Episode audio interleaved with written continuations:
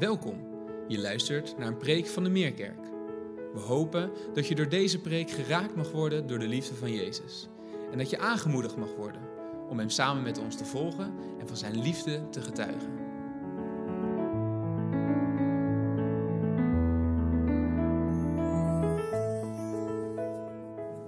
Goed elkaar weer te zien.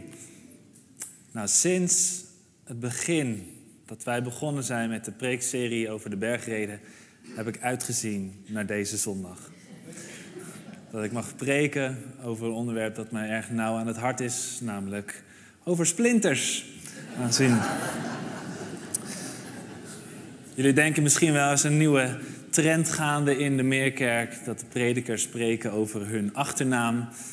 Nou, mijn naam is niet Remy Balk, mijn naam is Remy Splinter. En volgende week zal Patrick ook spreken over de brede en de smalle laan. Maar dat komt volgende week al.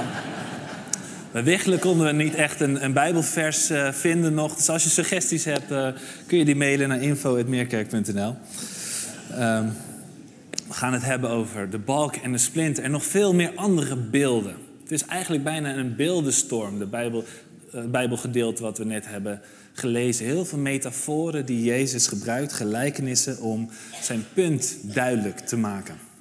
En welk punt wil hij dan duidelijk maken? Nou, dat punt dat lezen we in het laatste vers wat we hebben gelezen, in vers 12.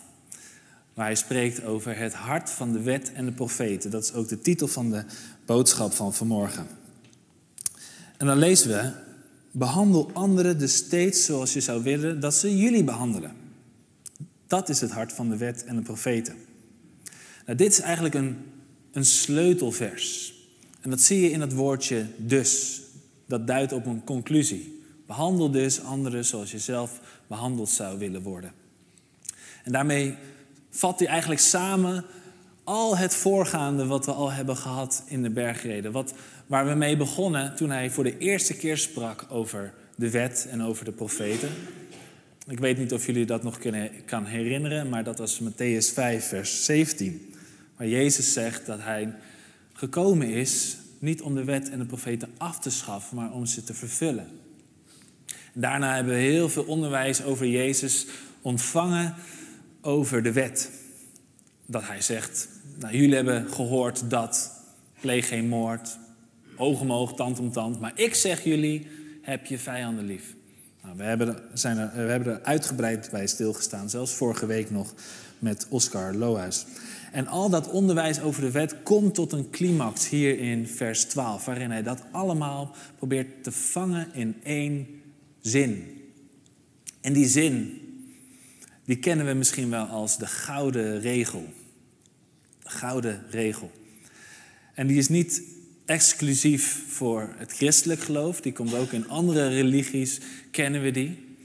Maar het verschil tussen hoe Jezus het hier verwoordt en hoe het in andere religies uh, verwoord wordt, is uh, dat het in andere religies vaak negatief wordt geformuleerd. Dus dat is iets in de trend, wat gij niet wil, wat u geschiet, doe dat ook.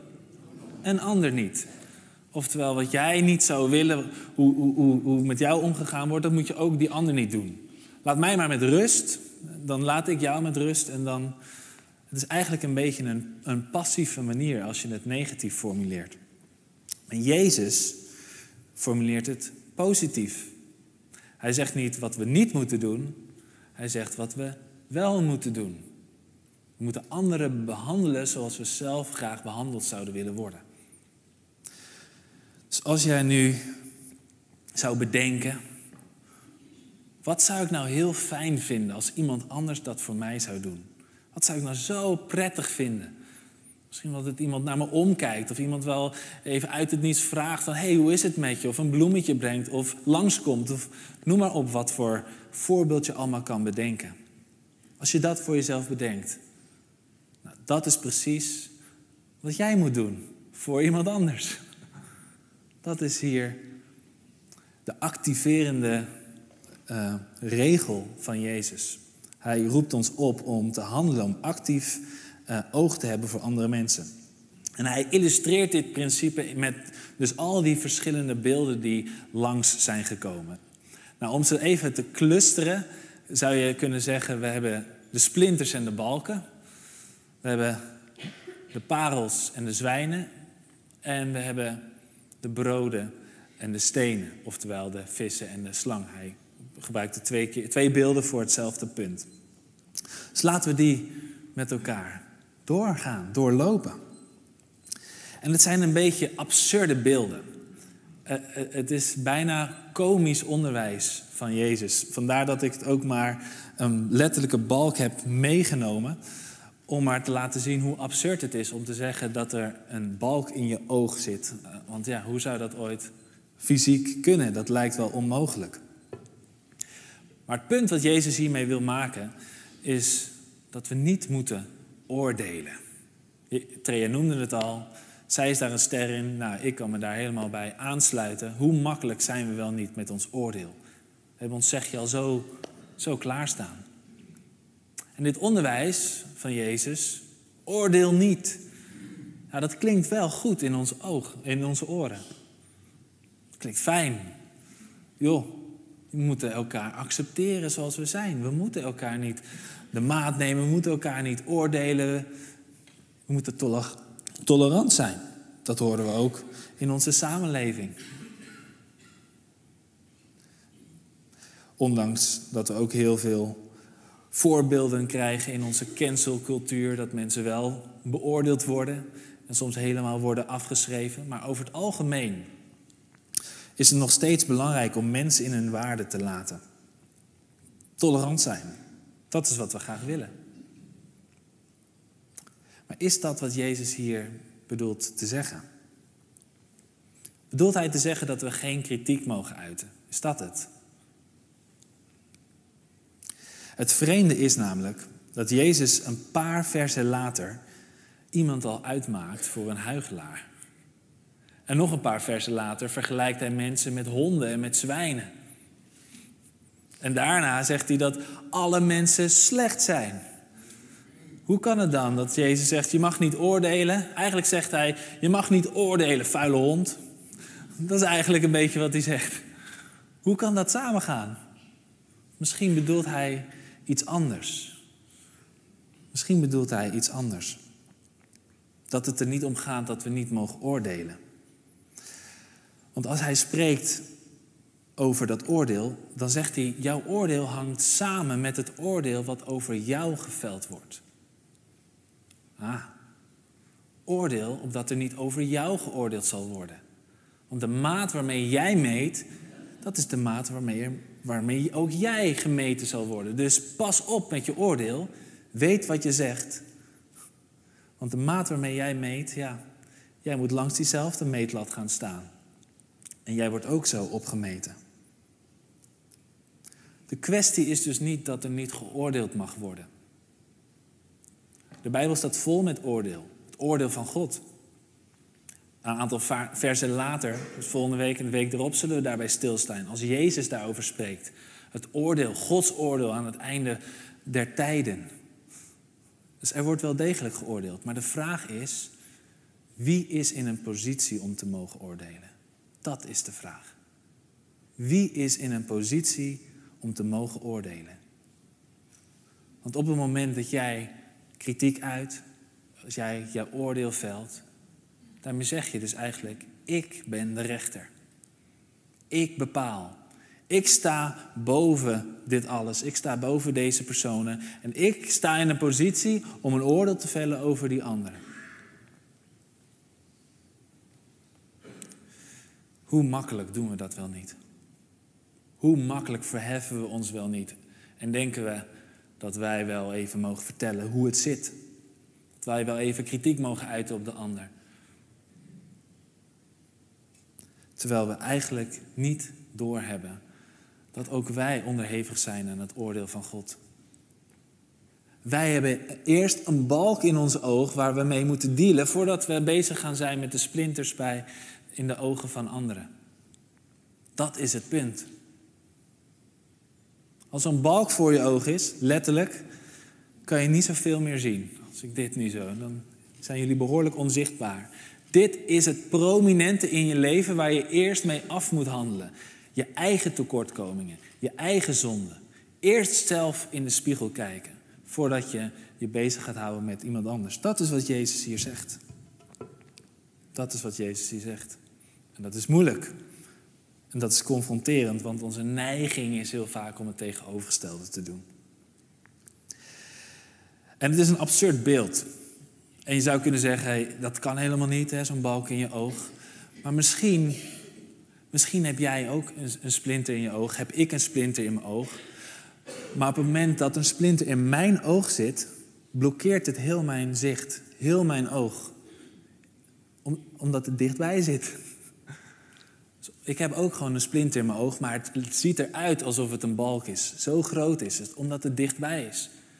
Dat wil dus zeggen dat wij mensen alleen echt de zonde en de tekortkomingen, de gedachten, de overpeinzingen van ons hart kunnen kennen van één persoon op aarde. En dat zijn wij zelf. We weten niet wat er omgaat in iemand anders. En Jezus zegt dat maakt in zekere zin dus even niet uit. Sta eerst even stil bij de overpeinzingen van je eigen hart. Wat is daar te vinden? Daar is nog veel aan te sleutelen. Daar moet je bij beginnen. En wanneer je een splinter in je oog hebt, dan gaat dat irriteren. Dan krijg je een traanoog. En je wil daar wel vanaf uiteindelijk. Dus Jezus zegt niet dat het slecht is per definitie om iemand anders te helpen om een splinter uit zijn of haar oog weg te halen. Het is dus niet slecht per definitie wanneer je kritiek uit naar iemand anders. Maar de vraag is waarom uit je kritiek? En besef je, besef je dat je zelf ook splinters in je eigen oog hebt gehad. Want pas wanneer jij zelf dat hebt ervaren, Wanneer je zelf de irritatie in je oog hebt gevoeld. En wanneer je dus zelf ook hebt ervaren hoe jij geholpen bent door iemand anders die die splinter uit je oog heeft weggehaald. Iemand die misschien wel eerlijk tegen je is geweest. Die zegt van joh, wat je hier en hier zei, dat is echt niet oké. Sta je open voor die kritiek. Laat je andere mensen binnen als zij zeggen of als ze jou confronteren met iets waarvan je weet, ja, dat klopt, hier heb je gelijk in. Of gaan we meteen in de verdediging en zeggen, nee, kijk even eerst naar je eigen balk in je eigen oog. Nee, wij moeten ons bekommeren om die balk in onze eigen oog. En als er andere mensen zijn die ons daarbij kunnen helpen, dan moeten we die hulp dus aanvaarden en ontvangen. We kunnen dit onderwijs al heel snel gebruiken om defensief te zijn. Eh, jij houdt je bezig met jouw balk, ik met die van mij. En... Nee, dat is niet wat Jezus hier zegt. Jezus zegt, zorg ervoor dat die balk uit je oog gehaald wordt. Sta dus ook open voor feedback, opbouwende kritiek. Maar die opbouwende kritiek krijg je van mensen die ook beseffen dat zij een splinter in hun oog hebben gehad. Die weten hoeveel pijn het doet. En die, die mensen kunnen met zorg en liefde de splinters bij iemand anders weghalen. Omdat Splinters zijn uit hun ogen weg. Ze kunnen weer helder kijken. Zij hebben misschien al gedeeld met bepaalde zondes in hun leven. Dat ze zeggen, ja, dat was niet oké. Ik heb me daarvan bekeerd. En nu kan ik anderen in liefde helpen om de ogen te openen voor de dingen die niet oké zijn in zijn of haar leven. Vanuit liefde en niet een oordeel vellen. Alsof jij de rechter bent over die persoon. Want er is maar één rechter die uiteindelijk zal oordelen. Zo zie je dat de dynamiek van zo'n beeld al heel ingewikkeld kan worden. Zo'n balk en een splinter. En we kunnen heel makkelijk de bocht uitvliegen door, door het zo uit te leggen dat het onszelf uitkomt. Dat was het eerste beeld. De balk en de splinters. We gaan door naar de volgende. Parels en de zwijnen. Het zou mooi zijn als ik daar dan ook een, een illustratie van uh, zou hebben. Um, en die heb ik ook, dus ga ik even bijpakken.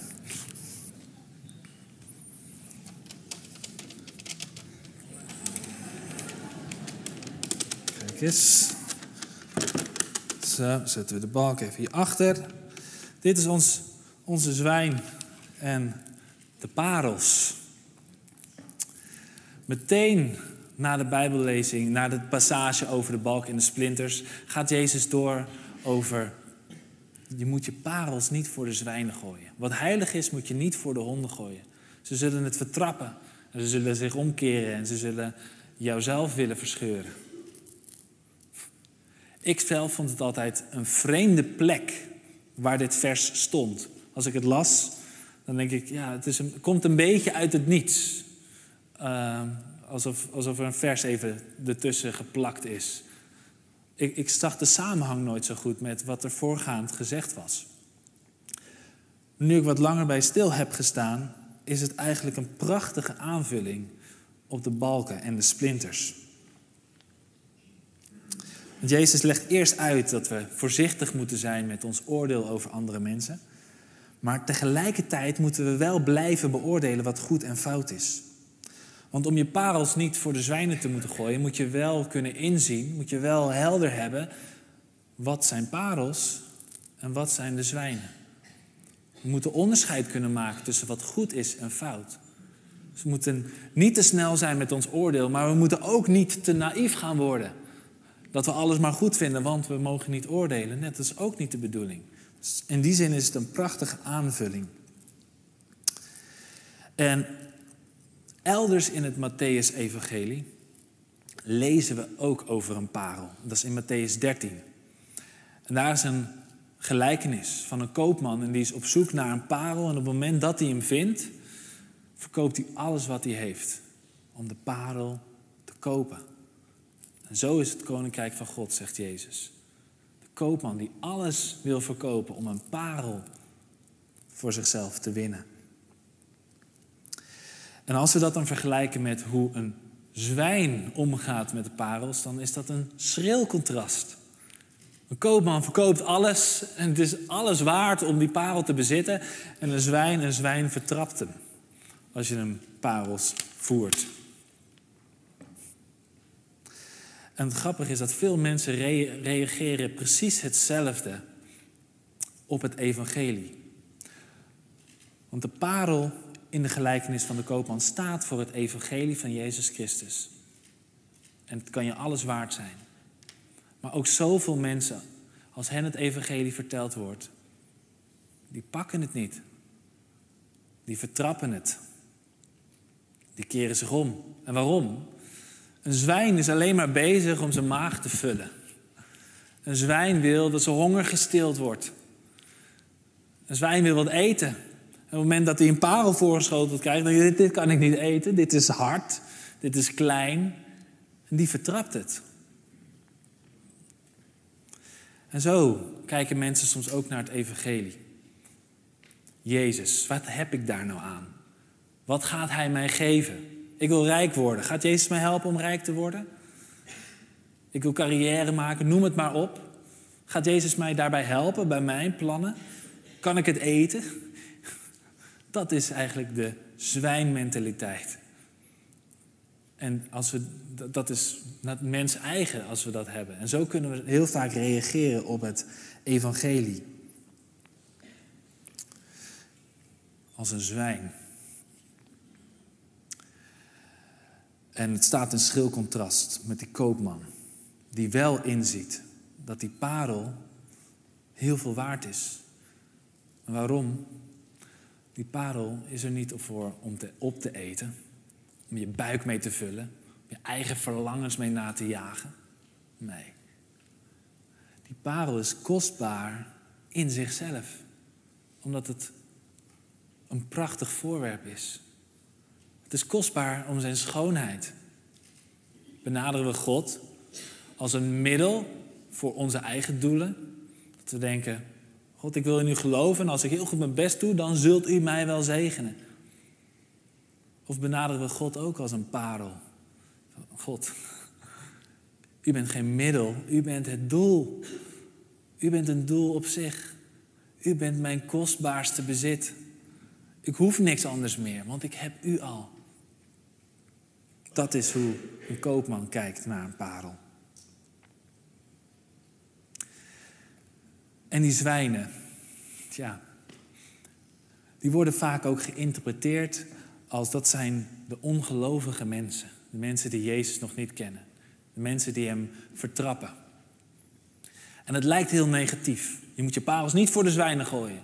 Mensen waarvan je toch al een beetje aanvoelt dat zij het evangelie toch zullen verwerpen. Nou, doe, doe geen moeite. Dat lijkt het een beetje te zeggen. Terwijl dat staat in contrast met wat we verder lezen in het, in het Bijbelboek van Matthäus. Dat we heen moeten gaan en alle volken tot zijn discipelen moeten maken. Maar ja, al die volken zitten vol met zwijnen. Moeten we de parels dan niet aan hen geven? Hoe zit dat dan? Als je er goed over nadenkt, dan is de kritiek niet geuit naar de zwijnen. De kritiek wordt geuit naar degene die die zwijnen voedt. Aan de veehouder van wie die zwijnen zijn. Hij geeft iets wat de zwijnen niet kunnen waarderen, iets wat de zwijnen niet kunnen eten. En dat is niet wijs van de veehouder. De zwijnen kunnen er niks aan doen dat ze zwijn zijn. Zij reageren zoals een zwijn altijd zou reageren. Maar de veehouder, die heeft een keus. Ga ik deze parels geven en gewoon maar op de grond gooien en hopen dat ze het eten? Of moet ik daar op een andere manier mee omgaan? Moet ik daar met een wijze manier mee omgaan? Het is de bedoeling dat we vrijmoedig spreken over deze parel. Het is de bedoeling dat we vrijmoedig spreken over wie Jezus is in ons leven. Maar tegelijkertijd moeten we ook beseffen dat, een, dat we een godswonder nodig hebben. Als een zwijn tot inkeer komt en gaat inzien dat deze parel veel waarde heeft.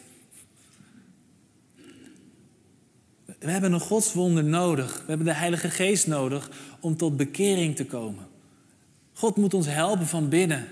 We kunnen wel op ons kop gaan staan en het evangelie proberen uit te leggen, maar als God het niet doet, als God de ogen niet opent, ja, dan zul je nooit de kostbaarheid van die parel zien.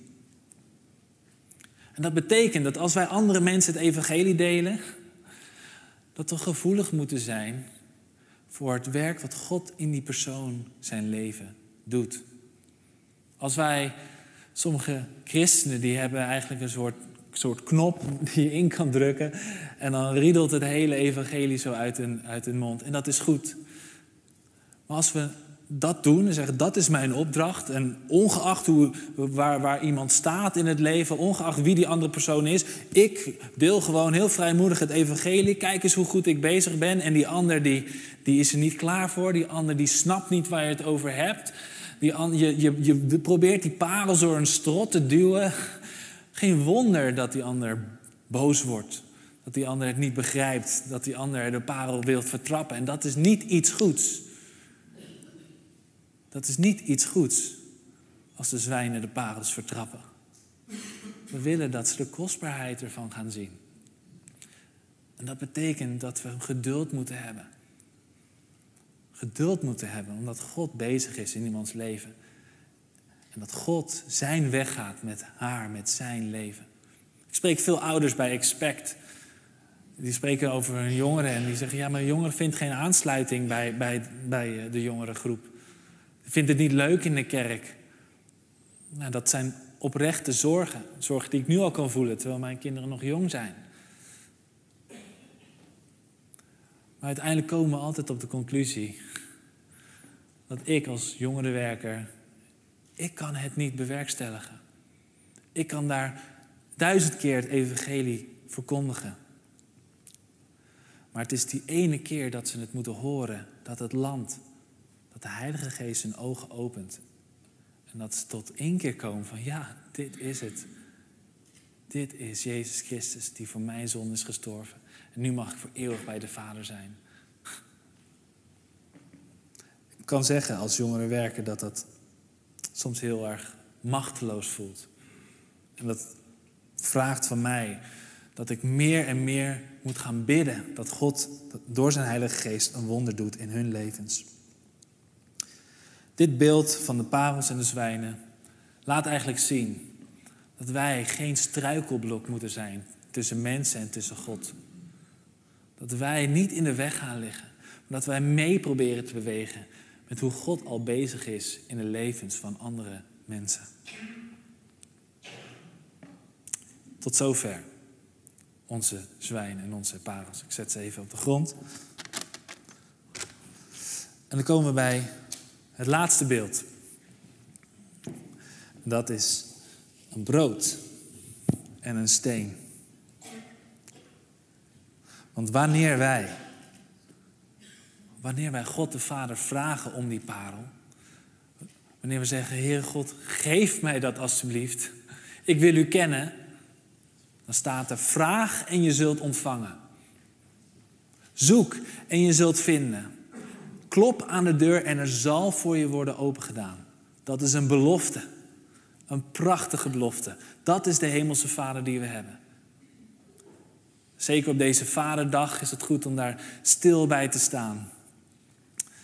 Dat we um, het beste willen geven als vaders en als moeders aan onze kinderen. En daar doen we ons uiterste best voor. En daarom zegt Jezus ook, als je, stel, ja, als een kind vraagt om een brood, dan ga je een kind geen steen geven. Ook, ook al zijn jullie slecht. Zelfs slechte vaders kunnen zich bekommeren om de basisbehoeftes van hun kinderen. Als ze iets nodig hebben, als ze ergens om vragen, dan hoop ik dat de meeste vaders geen steen zullen geven, maar een brood zullen geven. Als dat dan geldt voor ons, hoeveel te meer niet voor God, de Vader die in de hemel is. Is dat niet prachtig? Wat een prachtige belofte. En dan is natuurlijk de vraag: oké, dan kan ik dus alles vragen aan God, heel mijn wensenlijstje bij Hem inleveren en Hij zal me alles geven wat ik wil. Dit is misschien wel de lijftekst voor mensen die het welvaart-evangelie prediken. Zeg ik, kijk, het staat toch in de Bijbel: vraag en je zult ontvangen. Zoek en je zult altijd vinden. Klop en er zal altijd voor je worden opengedaan. Hij zal je geven wat je hartje begeert. Het antwoord is ja en het antwoord is nee. Hij geeft ons wat ons hart ten diepste begeert. Wat ons hart het diepste verlangt. Maar wij weten niet altijd wat dat is. Wij weten niet altijd wat goed voor ons, goed voor ons is. Hij geeft goede gaven. Maar dat betekent ook dat de gever bepaalt wat goed is. Hij bepaalt wat een goede gaaf is. Als mijn zoon van twee vraagt of hij met keukenmes mag spelen, dan zeg ik natuurlijk nee. En hij is verdrietig. En hij denkt dat ik hem iets onthoud, maar ik weet dat is geen goede gave voor jou. Ik onthoud jou dat en ik geef jou iets anders wat wel goed voor je is. Broccoli. Dat wil ik niet. Dat wil ik niet. Eet het maar, jongen, daar word je groot en sterk van. Als wij dan denken aan de bergreden die we, die we al hebben gehad, dan krijgen we al een, een, een glimp van de goede gaven die onze Vader ons wil geven. Jezus heeft het allemaal al genoemd. Hij heeft al gesproken over dat we een arme geest mogen krijgen. En daarmee dus met lege handen kunnen te staan die volledig gevuld worden met Hemzelf. Hij wil ons naar het koninkrijk van God, van de hemel leiden. Hij geeft ons troost als we treuren. Hij geeft ons verzadiging als we hongeren en dorsten naar gerechtigheid. Hij geeft ons barmhartigheid. Hij geeft ons een zuiver hart. Hij geeft ons dat we God mogen zien. Dat is nog iets anders dan een Ferrari. We mogen God zien. En in het Onze Vadergebed hij geeft ons een verlangen naar zijn koninkrijk en naar zijn wil. Hij geeft ons dagelijks brood. Hij geeft ons vergeving van schulden. Hij verlost ons van het kwaad. Hij geeft ons hemelse schatten. En hij bevrijdt ons van aardse schatten. Hij neemt onze zorgen weg. Hij voedt ons. Hij kleedt ons. Hij zorgt voor ons. Dat is wat hij ons wil geven. En als je daarom vraagt, dan weet je dat je zult ontvangen. Dat is wat Hij jou wil geven. En wanneer God zo voor ons zorgt en ons zo behandelt als Zijn kinderen, is het dan niet meer logisch dat wij mensen om ons heen net zo proberen te behandelen? Een christen is iemand aan wie het zichtbaar is dat hij goed behandeld is. Een christen is iemand waarvan je kan zien: hé, hey, jij er is voor jou gezorgd door de Hemelse Vader. Jij hebt veel ontvangen. En jij hebt dus ook veel om weg te geven. En wanneer mensen dus ook falen, broeders en zusters, falen om de gouden regel te praktiseren, dat jij niet behandeld wordt door iemand anders zoals je graag behandeld zou willen worden, gaan we dan zeggen: kom op, dat was niet oké. Meer je best doen om de gouden regel uh, waar te maken in je leven. Nee. Dan zeg je: je bent tekortgeschoten. Ben je dan vergeten hoe goed de Vader jou behandeld heeft? Ben je dan vergeten de belofte dat je gewoon kunt vragen aan Hem, dat je zult ontvangen wat je nodig hebt? Ben je dat soms vergeten? Je bent zo zagrijnig. Je bent zo. Wat is er met je aan de hand? Ben je soms vergeten hoe goed onze Vader is? Dat is het Evangelie. Hij heeft ons behandeld zoals Hij zelf behandeld had willen worden. Dat is het hart van de wet en de profeten. En er staat dat Jezus dat vervuld heeft. Dat betekent dus dat God ons behandeld heeft zoals Hij behandeld had willen worden door ons. Hoe wil Hij behandeld worden? Hij wil behandeld worden als ons kostbaarste bezit. We zien het door heel het Oude Testament heen. Hoe God het volk voor zich probeert te winnen. De liefde van het volk voor Hem probeert te winnen. Dat is wat Hij wil en we falen daarin als mens. We falen in onze toewijding aan Hem. Maar God heeft niet gefaald in zijn toewijding aan ons.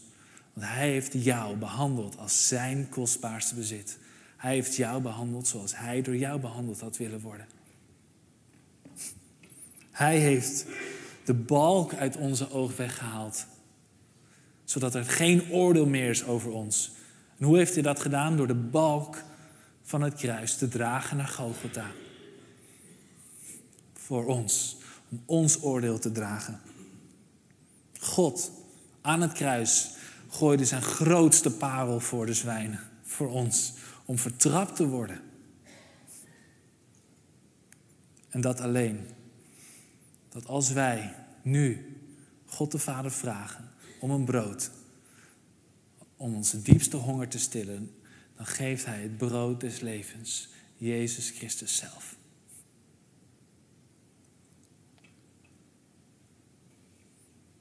Jij bent zo kostbaar voor God. Als een parel in Gods hand zingen we wel naar onze kinderen. Hij is die koopman die alles heeft verkocht om die parel te kunnen winnen. En nu mogen wij, zoals wij behandeld zijn door God, nu mogen wij anderen zo behandelen. Zoals God ons behandeld heeft. En bovenal, nu mogen wij, als we dat zien, als onze ogen open gaan voor het evangelie, als onze zwijnmentaliteit in een koopmanmentaliteit, nu mogen wij gaan zien van wauw, Jezus Christus, ik heb niks meer nodig in de hemel of op aarde dan u. U bent mijn kostbaarste bezit. Ik wil met jullie bidden.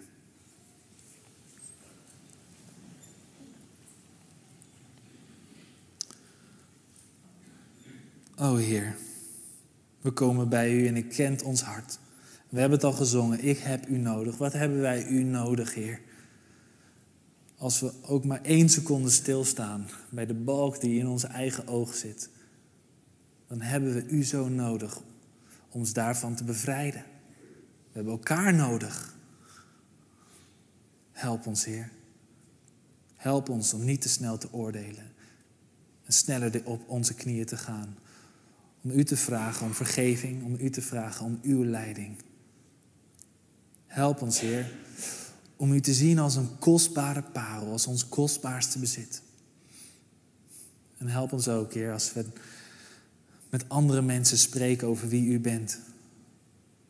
Dat we dan beseffen, ja, ooit was ik ook een zwijn die u heeft vertrapt. U doet een werk in mij en dat kunt u ook in die ander doen een godswonder door uw Heilige Geest om ons de ogen te openen voor wie u echt bent.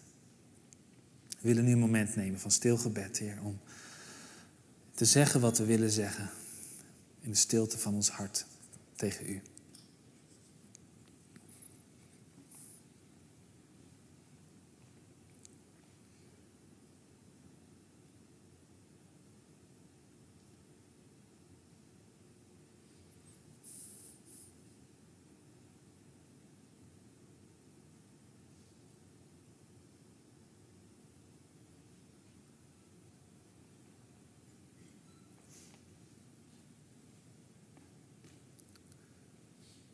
Dank u, Jezus.